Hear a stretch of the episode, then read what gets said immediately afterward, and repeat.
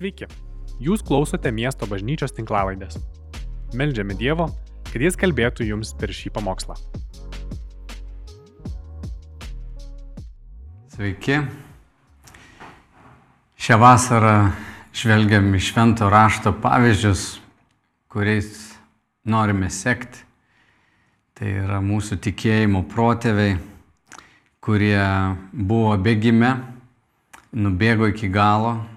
Jie buvo tokie žmonės kaip mes ir mes turim ką iš jų pasimokyti. Ir šiuo metu vyksta mūsų bendruomenės stovykla ir mes žiūrim į Dovido gyvenimą, į psalmes, kurias jis užrašė ir, ir šį rytą noriu su jumis peržvelgti pačią pradžią Dovido gyvenimo pašaukimo, nes jį daug ką pasako prieš žmogui pasirodant ant scenos. Daug dalykų gyvenime tikrai vyksta slaptoje. Taigi čia karalius Dovydas, muzikantas, generolas, išmintingas valdytojas, ganytojas, bičiulis, draugas, tikrai labai daug titulų turi. Ir jo gyvenimas labai įspūdingas, labai raginu tave paskaityti nuo pirmos Samuelio knygos 16 skyriaus apie Dovido gyvenimą. Jeigu niekada neskaitai, tai verta. Biblija yra skirta visiems žmonėms, prieinama visiems, lietuvių kalba. Geriausias dalykas yra pamilti tą Dievo žodį, kad tas žodis giliai įstriktų tavo širdį, suteiks tau daug išminties. Taigi apie Dovydą, netgi Naujajame testamente, apaštalas Paulius pacituoja žodžius, ką Dievas pasakė apie Dovydą. Ir čia ta žinoma tokia frazė, sako, radau Dovydą, Jėsės sūnų, vyrą pagal savo širdį, kuris įvykdys visus mano norus. Koks nuostabus aprašymas žmogaus gyvenimo ir kaip Dievas pats įvertina Dovydą kaip žmogų. Sako, štai radau vyrą pagal savo širdį, kuris įvykdys visus mano norus.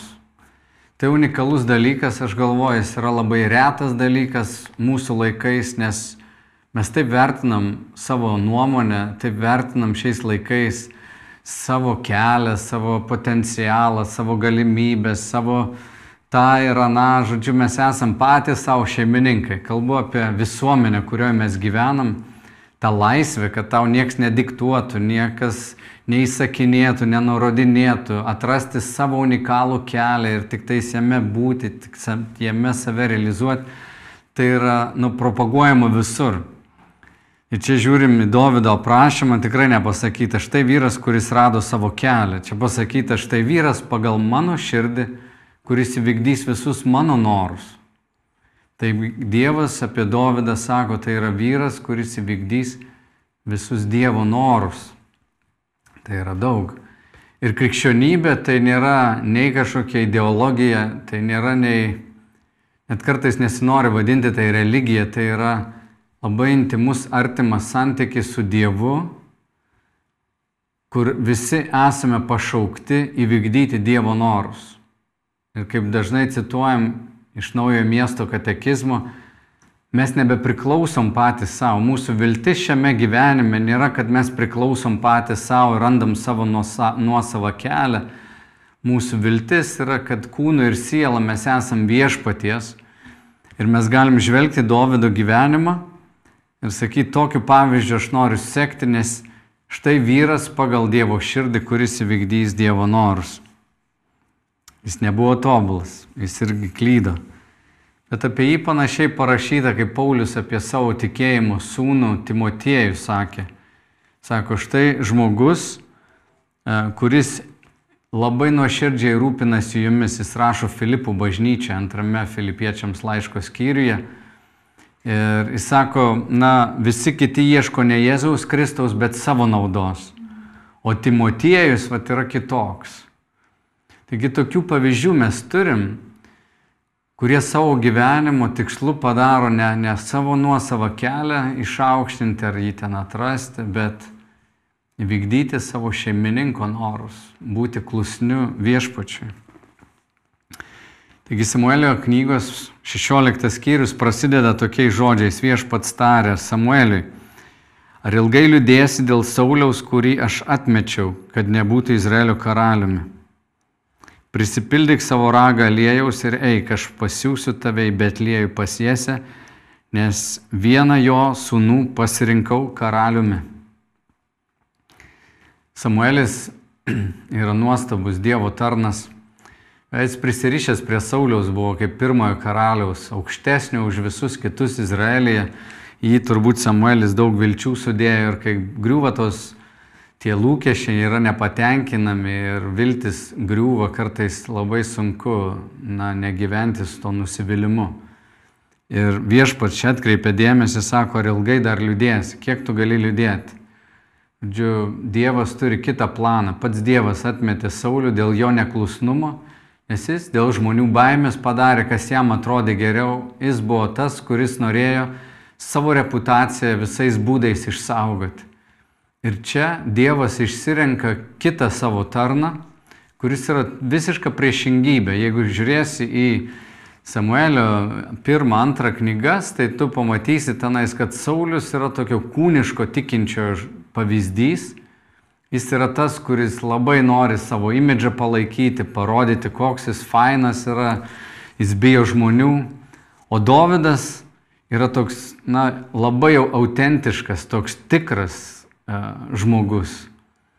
Ir ne tik, kad jis yra tikras, kartai žmonės būna labai tokie autentiški, tikri nuodėmiai, kažkokie nedorybė ir savo puikybei. Dovydas yra tikras, autentiškas, bet ir nuolankus ir ieškantis Dievo. Ir čia sako Dievas, aš išsirinkau vieną iš tų sunų.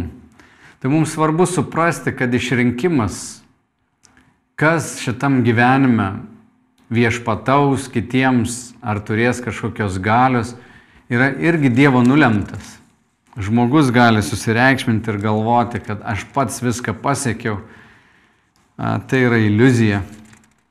Dievas, kuris pranoksta visą žmogiškai supratimą kuris yra virš laiko, jis valdo ir tautas, ir žmonių likimus. Jis padarė šitą pasirinkimą. Na, Samuelis atsako jam, kaip aš galiu eiti, išgirs Saulis, jis mane nužudys. Na, čia suprantam, kad tai yra samokslas. Esant gyvam karaliui, tu eini patepti kitą karalių, tai ir pats papulsi ir bėda, žodžiu, baimės yra daug. Viešpats tarė, pasimk veršį ir nuėjęs sakyk, kad ėjau viešpačiu aukoti. Žodžiu, susigalvo kitą priežastį. Įdomu, kad Dievas tokia duoda priežastį. Apsimesti, kad aukoji, nu, tai ir yra aukojimas, bet pasakyti tarsi pusę tiesos, o iš tikrųjų pagrindinis tikslas yra patepti naują karalių. Ir jis sako, pasikviesk jesę prie aukos, o aš tau parodysiu, ką reikia daryti, tu patepsi tą, kurį tau nurodysiu. Samuelis padarė, kaip viešpats jam sakė, jam atėjus į Betliejų, miesto vyresniai nusigando ir jį pasitikę klausė, ar su taika ateini. Tas pats klausimas, ar nebus taip, kad Saulis išžudys visą mūsų miestą dėl visų šitų tavo ketinimų. Jis atsakė, aš su taika ateinu, atėjau viešpačiu aukoti, pasišventinkite ir eikite su manim prie aukos. Jis pašventino Jesę bei jos sūnus ir juos pakvietė prie aukos. Kai jie atėjo, Samuelis pažiūrėjo į Eliabą ir sakė, tikrai šis yra viešpaties pateptasis. Samuelis nuo vaikystės, nuo, nuo, nuo jaunų metų pradėjo girdėti viešpatį, žinojo jį, žinojo jo kelius, ištikimas tarnas. Ir jiem neįmanoma atsispirti to na, tuo mechanizmu, kuris veikia mūsų visų galvose. Jis pamatė turbūt gražų, aukštą, raumeningą, kažkokį, nu, kietai atrodantį vyrą, Elijabą. Ir jis sako, tikrai šis yra viešpaties pateptasis. Jo širdyje jau atsakymas, jis gal peržvelgė visus tuos sūnus, išsirinko vieną, sakom, šitas. Ir gyvenime kartais mes galvom, kad va taip viskas ir bus nulemta mes išsirinksim, bet čia viešpats tarė Samueliui, nežiūrėk į jo išvaizdą, nei į jo ūgį, nes aš jį atmečiau. Viešpats mato ne taip kaip žmogus, žmogus žiūri į išorę, bet viešpats žiūri į širdį. Viešpats žiūri į širdį. Jam yra svarbiausia širdis. Jo išrinkimas tikrai nėra pagal žmogaus išorinį grožį. Nemanau netgi, kad pagal jo kažkokius ypatingus gebėjimus. Žiūri širdį ir sveria žmogų širdimi. Širdis yra ta centrinė mūsų dalis, sunku pasakyti, kuris sielos dalis, joje yra persipinusi ir valia, ir, ir, ir mūsų troškimai, ir geismai, ir, ir giliausi norai, tai, ką mes garbinam, ką labiausiai vertinam, tai yra na, žmogaus būties centras. Ten yra visa esmė, ten yra visa tikroji žmogaus vertė. Ir vad žmogus jisai žiūri išorę ir jisai dažnai nemato to, kas yra viduje negali atpažinti to grožio, kas yra viduje. Bet Dievas būtent žiūri į širdį. Na, o širdis toks dalykas, pranašas Jeremijas sako, kad širdis labai yra klastinga ir be galo nedora, kas ją supras. Yra labai sunku mums pasakyti, kas vyksta čia mūsų viduje. Todėl patarlėse pasakyta, saugok savo širdį su visų stropumu, nes iš jos teka gyvenimo versmė. Mes turim saugoti savo širdį. Tai yra brangiausia, kas yra mumyse. O tai šiais laikais mes gyvenam, na, imidžo arba kūno kulto tokioj aplinkoje. Šiandien iš tiesų, kiek yra daug parduodama visko, kas susiję tiesiog su imidžu. Šiandien net politikai yra sukūriami, jiems kalbos parašomos, jiems rūbai parenkami, nuotraukos yra retušuojamas. Žodžiu, sukūriamas visiškas imidžas ir čia nėra kažkoks tai senas dalykas, čia yra toks naujas išradimas, kas dabar vyksta pasaulyje. Anksčiau lyderius rinkdavo pagal jų na, charakterio tvirtumą, pagal jų gebėjimą susivaldyti, pagal jų gebėjimą sulaikyti savo neigiamas emocijas, ne, ne, neapnuodyti aplinkinių Žodžiu, žmogus, kuris buvo santūrus, kuris buvo doras, kuris įsitvirtinęs, pagarbus, tie dalykai buvo labiausiai vertinami, ar jis ten aukštas, ar žemas, ar jis susivėlęs, ar jis susišukavęs, netaip svarbu. Šiandien yra parduodami imidžai, įvaizdžiai, mes darom selfius, juos koreguojam. Šiandien taip smegenys, man atrodo, mūsų teršiamos yra Ir mes patys kartais papuolam į tą žaidimą, tik supras, kad Dievas šituose žaidimuose nedalyvauja. Jam neįdomu, kaip tu atrodai. Aš ne prieš grožį, aš ne prieš pasipošimą ir visą kitą, bet su visų stropumu turim saugoti savo širdį. Ir ką mes matom iš šitos istorijos, o toj prieisim prie paties Dovido, bet visas va tas E, šitą istoriją, kaip jinai rutuliojasi, mes matom tą žmogišką perspektyvą ir Dievas įsikiša į procesą to išrinkimo ir jis pasako, kas jam yra svarbu. Tai va, viešpats atmetė Elijabą, tada Jėse pašaukė Abinadabą ir jam leido praeiti pro Samuelį ir jis sakė, ir šito viešpats neišsirinko. Jėse leido praeiti Šamui Ir jis sakė, šito viešpats irgi neišsirinko. Taip jie įsileido visiems septyniems sunums praeiti pro Samuelį. Samuelis tarė Jėsiai viešpats šitų neišsirinko. Ir Samuelis sakė Jėsiai, ar čia jau visi tavo sūnus? Jėsiai atsakė, liko dar jauniausiasis, jis gano avis. Dovydas, jauniausias, jis gano avis Na, tai yra toks žemiausias darbas, jis pačiu nerimčiausiu darbu užsijima. Ir kartais gyvenime gali sakyti, na, aš atsidūriau kažkokiam pažeminime, mano broliai vyresni, aš esu jaunėlis, mane nustumė ten daryti tai, ką net nesūnus daro tarnai, vergai kažkokie daro tos darbus. Ir tarsi gyvenime čia būtum pažemintas ir galėtum jausis nereikalingas, nevertingas, nes esi jauniausias, tavo nuomonės nieks neklauso. Ir visiškai tai neturėtų trukdyti formuotis tau kaip žmogui. Samuelis tarė, pasiūsk ir atvesk jį, nes mes nesėsime, kol jis neteis. Taigi jis pasiuntė ir atvedė jį. Jis buvo raudons kruostis, gražaus veido ir dailios išvaizdos jaunuolis. Viešpats tarė, patepk jį, nes tai jis. Įdomu čia prašytas net jo išvaizda, išorė, bet visa esmė, yra jo širdis, nes viešpats sveria širdis. Taigi Samuelis paėmė ragą su aliejumi ir jį patepė tarp jo brolių. Ta diena viešpaties dvasia nužengė ant Dovido ir pasiliko su juo. Samuelis sugrįžo į Ramą. Štai įspūdingas dalykas. Paprastas jaunuolis šeimoje yra patepamas Izraelio karaliumi. Manau, visa šeima ten tokie sunerime buvo. Broliai, mes žinom toliau iš istorijos jau kitame skyriuje, kad jie pavydėjo Dovydui ir niekino jį ir toliau laikė jie niekam tikusiu. Jam reikėjo tvarkyti su ta šeimos tokia patyčių kultūra, atmetimu, pažeminimu. Ir kartais sunkumai gyvenime galbūt yra didžiausios dovanos, kurios gali tave suformuoti. Jos arba tave sunaikins, arba tave pakels.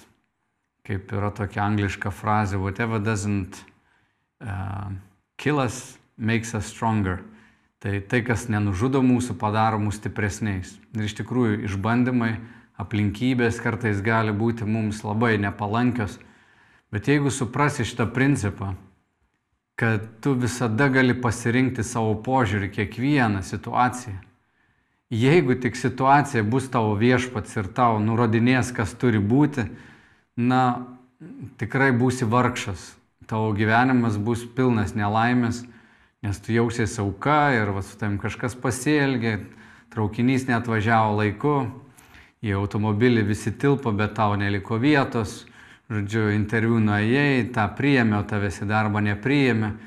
Ir jeigu tu nesusitvarkysi su širdimi, va, su savo mąstymu, širdyje gimsta mūsų mintis, jeigu tu nesaugosi savo širdies, ten įeis dalykai - piktis, nusivylimas, nuoskaudos, jos sugriaus tave. Ir Davido gyvenime tie išbandymai vėliau atėjo ir ne visus jis išlaikė, tai mes na, dar pažiūrėsim, ne šiandien, bet iš tikrųjų jo gyvenimas yra pilnas pamokų mums. Bet ką mes galim matyti čia, kad Dievas išsirenka jį, jį gražų, jį pastato ir Dievas siunčia savo šventąją dvasę ant jo. Visas Davido gyvenimas yra pažymėta šventosios dvasios buvimu. Jis prižiūri savo širdį, jis ilgisi Dievo, bet Dievas taip pat duoda jam savo patepimą. Ir patepimas yra toks dalykas, tai yra Dievo palankumo ženklas. Kartais gali pasakyti, ar Dievas yra visiems maloningas. Atsakymas taip, Dievas yra maloningas. Bet ar yra skirtingai Dievo palankumo saikai? Manau taip. Yra labai daug pavyzdžių šventame rašte, kad priklausomai nuo to, kaip tu ir aš renkamės, ką mes kalbam, kas išeina iš mūsų burnos, kaip mes bendraujam su žmonėmis, yra tai, kas nulėmė, ar Dievas mus naudos toliau ar ne. Žinoma, Dievas norėtų kiekvieną molinį indą padaryti ir auksiniu indu. Jo namuose yra ir molinių, ir auksinių. Iš vieno karalius gali gerti, į kitą karalius savo reikalus gamtinius atlikti. E, ir tai priklausys nuo to, kokios kokybės tas indas, kam jis yra skirtas. Ir mes esam tie, kurie turim tą pasirinkimą. Ir aš manau, kad šventoji dvasia duoda mums daug galimybių ir išbando mus, išmėgina, kaip ir anksčiau kalbėjau, um, Abraomo gyvenime, kaip vyksta va, tie išbandymai. Bet Dovydas atrodo čia patiria, na, Dievo tą palaimą ir Dievas jau matė jį. Taigi įvyksta Dovydo patepimas Ir dar pratęsiu iki skyriaus pabaigos, nes galim pamatyti Dovido tą vidinį gyvenimą. Žiūrėkit. Bet viešpaties dvasia pasitraukė nuo Sauliaus ir piktoji dvasia nuo Dievo kankino jį. Sauliaus tarnai kalbėjo jam, štai piktoji dvasia nuo Dievo kankina tave. Tegul mūsų valdovas įsako savo tarnams suieškoti vyrą, kuris gražiai skambina arfą Kai tave pims piktoji dvasia nuo Dievo, jis skambins ir nuramins tave. Saulis atsakė savo tarnams, suraskite vyrą, mokantį gerai skambinti ir atveskite jį pas mane. Vienas tarnas atsiliepė, aš mačiau Jėsės sūnų iš Betlėjaus, kuris moka gražiai skambinti. Jis vyras drasus, karingas, išmintingas kalboje, gražus ir viešpats yra su juo. Štai dar vienas apibūdinimas, bet dabar jau nebe šeimos narių ir ne paties Dievo, bet kitų žmonių. Dovido reputacija yra tokia, jis moka gražiai skambinti, jis yra drasus, karingas, išmintingas kalboje, reiškia nenusišneka, neskuba kalbėti, pasveria savo žodžius, turi pasirinkimus, kurie yra naudingi, taip pat yra gražus, o gal svarbiausia, kad viešpats yra su juo. Ir žmonės atpažįsta, Dievas yra su juo. Šiekį Dovydas nėra geriausias pranašas savo namuose, jis nėra primtinas broliams, jo santykis su tėvu nėra labai visiškai toks aiškus, bet tarp žmonių, netgi būdamas slaptoje, kažkur ganydamas atrodo nuo šalyje, Dovydas turi reputaciją. Jis dar ne karalius, jis dar nėra žinomas, per televiziją jo nerodė, ne vienoje laidoje jis nedalyvavo, bet jo reputacija eina prieš jį. Ir žinai, svarbiausia, ką mes galim išmokti kaip tikintis, tai nebijoti žmonių ir nesistengti niekada pataikauti žmonėm. Saugiausia vieta, kur mes galime būti, yra Dievo akivaizdoje. Ir Dovydas savo gyvenime pasirinko leisti laiką su Dievu. Būdamas laukuose, jis ne šiaip savo sėdėjo, ne šiaip savo kažkaip pro pirštų žiūrėjo į tą tarnystę, kurią turėjo, bet jis buvo aktyvus. Žiūrėkit, vyras drasus. Ką reiškia drasus? Drasa yra daryti tai, ką bijai daryti. Drasa reiškia žengti žingsnį į priekį ten, kai tau nesinori, tu bijai kažką daryti, tu, tai yra virš tavo jėgų. Taip Dovido gyvenime būdavo situacijos, kur galbūt nieks nenorėdavo lipti ten į kokią duobę ištraukti, žinai, jauti, įkritusi, ar, ar, ar nežinau, katiną iš medžio iškelti. Bet Dovydas buvo tas, kuris imdavosi tai daryti, ko kiti nedarė. Ir tas žodis pasklido aplinkui. Žiūrėkit, Dovydas yra drasus. Kiti bijo, sako, aš neįsiu, jis eina ir daro. Tai yra dalykai, kuriuos jis augino, kai dar buvo vaikas. Jam čia, manoma, yra apie 16 metų, kai jis yra patepiamas karaliumi. Pradėjo karaliautis tik tais 30 metų. Tai dar 14 metų jisai išgyvena įvairiausius išmėginimus. Žodžiu, jo gyvenimas yra tikras trileris. Tikrų tikriausias trileris. Bet čia matom, Dovydas yra drasus, jis yra karingas, vadinasi, jisai kažkur ėjo ginti, galbūt silpnųjų, galbūt savo tėvo avių. Jis yra tas, kuris treniravosi. Mes žinome, kad Dovydas, na, šiais laikais jisai būtų įvardintas kaip sniperis jisai galėjo iš tos metiklės, iš akmens pataikyti, na, įskrendantį paukštį dideliu greičiu. Jam nukauti galijotą nebuvo jokia problema. Prasme, pataikyti jo didelę kaktą nebuvo problema Dovydui. Filistinas to gal nežinojo, bet, žodžiu, Dovydas buvo išsitreniravęs. Jis tą metiklę pažinojo labai puikiai ir galėjo tai daryti. Jis buvo karingas vyras, galėdavo pasislėpęs nukauti kažką. Mes žinom, kad jis nukovė ir liūtą, ir mešką, gelbėdamas savis. Koks absurdas atrodytų, klausyk. Eiti gelbėti vis, rizikuojant savo gyvybę, tegu suėda bent vieną avį, mešką, tegu suėda, na, vilkas ar liūtas. Kas čia tokio? Nu, buvo 300, liko 299 avelės. Nu, negeisi dabar ten su meška kautis, nesąmonė. Žiūrėk, kiek žmonių kartais sutinki gyvenime, jis sako, ai, nu, nu ką padaryti, nu, sulūžo, tai sulūžo, nu, ne mano daiktas. Nu, ką padarysi ten? Pro ranką žiūri. Dovydas visame kame ištikimas. Jis eina dėl vienos avelės, su liūtu kautis, jis eina su meška. Ir kai jam reikia susikauti su galijotojais, karaliui Sauliui, sako, tu nesirūpink. Viskas bus gerai, aš esu nukovęs ir tą ir aną, jis yra drasus. Drasus, nes drąsa buvo išbandyta. Drąsa neteina sapnuojant, drąsa neteinant sėdint ir kavą geriant, drąsa ateina rizikuojant, drąsa ateina pralaimint, kaunantis, prakaituojant. Žodžiu, visa tai vyko, visos tos treniruotės, visas tas pasiruošimas vyko slaptoje ir Dievas viską matė. Kokia mum pamoka?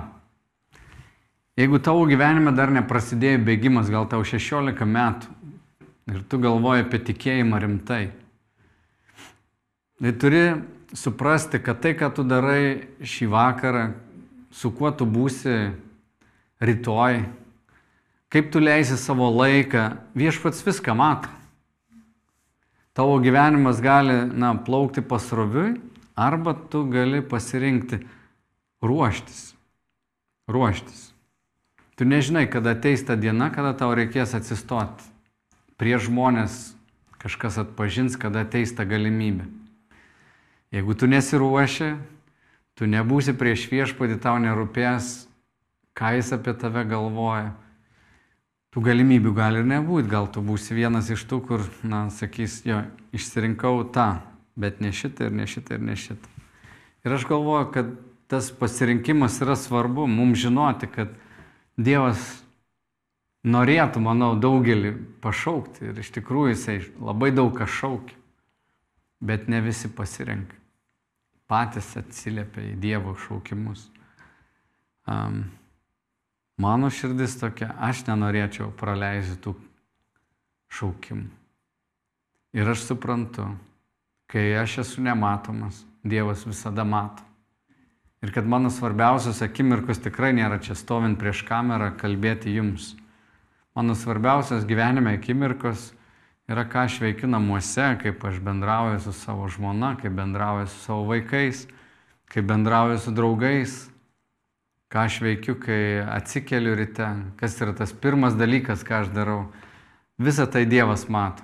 Aš manau, kad jam nedaro jokio įspūdžio mano kalba čia prieš jūs. Bet jis stebi. Jis stebi ir, ir, ir pasveria mūsų širdis. Ir kai mes kalbam apie nubėgimą iki galo, užbėgti, nubėgti va tą tikėjimo e, maratoną, kuris yra mums skirtas, jam reikia ruoštis, jam reikia būti prieš Dievą. Ir man gal tokia paskutinė mintis, kurią norėtųsi jums perduoti, yra nesirūpink, ką žmonės apie tave kalba. Rūpinkis tik tuo, ką Dievas apie tave gali pasakyti. Nebijok tų, kurie gali kūną nužudyti. Bijok to, kuris gali ir kūną, ir sielą į pragarą atiduoti. Ir tai yra kelionė. Manau, kad mes visi kažkiek tai esam bailiai. Mums visiems nesmagu, kada vyksta žmonių teismas. Ir žmonės suklumpa, jie pasiema kardą į savo rankas ir sako, aš dabar atkeršysiu. Aš dabar turiu apginti savo reputaciją. Tai Dovido gyvenime mes matom vėl ir vėl ir vėl besikartojantį tą patį dalyką, kad jis savo gyvenimą pavedė viešpačiui ir jis sako, viešpatie, tu esi mano ganytojas, tu vedi mane ir paguldai į žaliuojančias lankas, vedi mano sielą prie ramių vandenų, atgaivini ją ten Dovydas per visą savo gyvenimą, net kai draugai prieš jį atsigręždavo, jis visą laiką kabindavosi Dievą. Vienoje situacijoje, kai net jo patys artimiausi, apie 400 karių, rinktinių karių, kurie buvo su juo įvairiose kovose, praradę savo žmonas ir vaikus, nusprendė nužudyti Dovydą, atsigrėžė prieš jį. Dovydas nueina pas viešpatį ir jis drąsina save viešpatyje. Tai mum išlikti tikėjimo kelyje ištikimais, žmonių baime, žmonių nuomonės tikrai bus pastai. Ir žinok vieną, kad žmonės kaip vanduo, jisai šiandien čia, jis paskui išgaruoja, žmonės kaip vėjas, šiandien pučia iš kairės, rytoj iš dešinės, žmonės kaip nendris, kur papučia vėjas, ten jos nulinksta žmogus toks nepastovus, iš šiandien tave apkalba, rytoj jis tai tau mėlykausis ir sakys, tu nuostabiausias. Mm, sunku visiškai pasitikėti žmogumi. Galim juo tikėti, kad Dievas jame veiks ir reikia mums turėti pasitikėjimą, bet galutinai, ką mes matome Dovido gyvenime, kas brangiausia, yra sudėti visas viltis prieš Dievą. Būsi ištikimas Dievui, būsi ištikimas žmonėms. Bijosi Dievo, būsi pagarbu žmonėms. Niekada jų nemenkins, nežemins, nes Dievo baime gyvens tavyje. Ir toks yra Dovydas, kurio pavyzdžių mes galim sekti. Pabaigai perskaitysiu jo žodžius, 19 psalmė parašyta dar jam iki to patepimo, kai jis buvo jaunas. Žiūrėkit, kas Dovido širdyje. Leiskim, Dievas kalbėjo apie Dovydą, vyrai kalbėjo apie Dovydą. Dabar paklausykim, ką Dovydas užrašė jaunas. Tas nuostabus psalmistas, kuris puikiai mokėjo skambinti arfą. Sako, tobulas viešpaties įstatymas 19 psalmė 7 eilutė. Jis gaivina sielą. Viešpaties liūdėjimas tikras, išminties moko paprastuosius. Viešpaties nuostatai teisingi, jie džiugina širdis. Viešpaties įsakymas tyras, akims duoda šviesybę. Viešpaties baime grina, jie išlieka per amžius. Viešpaties sprendimai tiesa, jie visi iki vieno teisingi. Brangesni jie už auksą, už griniausią auksą, jie saldesni už medų, už korių syvą. Tavo tarnas jais įspėjimas, kas jų laikosi, gauna didelį atpildą. Kas pastebi savo klaidas? Nuvalyk nuo manęs man nežinomas kaltes. Savo tarną apsaugok nuo akiplėšiškumo. Ta žodis dar reiškia nuo tokio a, užtikrintumo arba iš ankstinio tokio žinojimo, kad su manim viskas yra ok. A, tokio familiarumo. Sako, apsaugok savo tarną nuo akiplėšiškumo, kad nuodėmės manęs nepavergtų. Tada būsiu doras ir išvengsiu didelių nuodėmių. Te patinka tau mano lūpų žodžiai ir mintis mano širdies.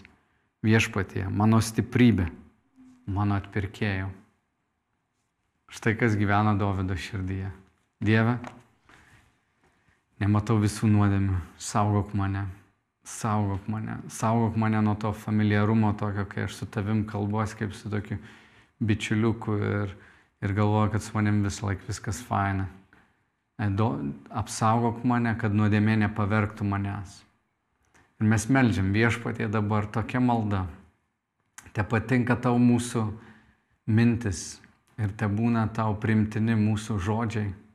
Saugok mūsų širdis nuo nuodėmės viešpatie, kad nebūtumėm pavergti tamsybės, kad negautumėm už savo nuodėmę atlygio tos baisaus aklumo, kada net nebematom nei savęs tinkamai, nei tavęs, nei tikrovės. Viešpatė meldžiu už kiekvieną, kuri žiūri ir klausosi šitų žodžių, kad tu duotum nuolankę širdį, nuolat atgailaujančią širdį ir besimėgaujančią tavo žodžiu, tavo įstatymu, kuris yra grynas, brangesnis už pragaištantį auksą. Ištirk mūsų širdis ir atleisk mūsų nuodėmės. Meldžiam per Kristų, mūsų viešpatį. Amen. Ačiū, kad klausėte. Daugiau informacijos rasite mūsų svetainėje miestobažnyčia.lt arba Facebook, Instagram ir YouTube paskiruose.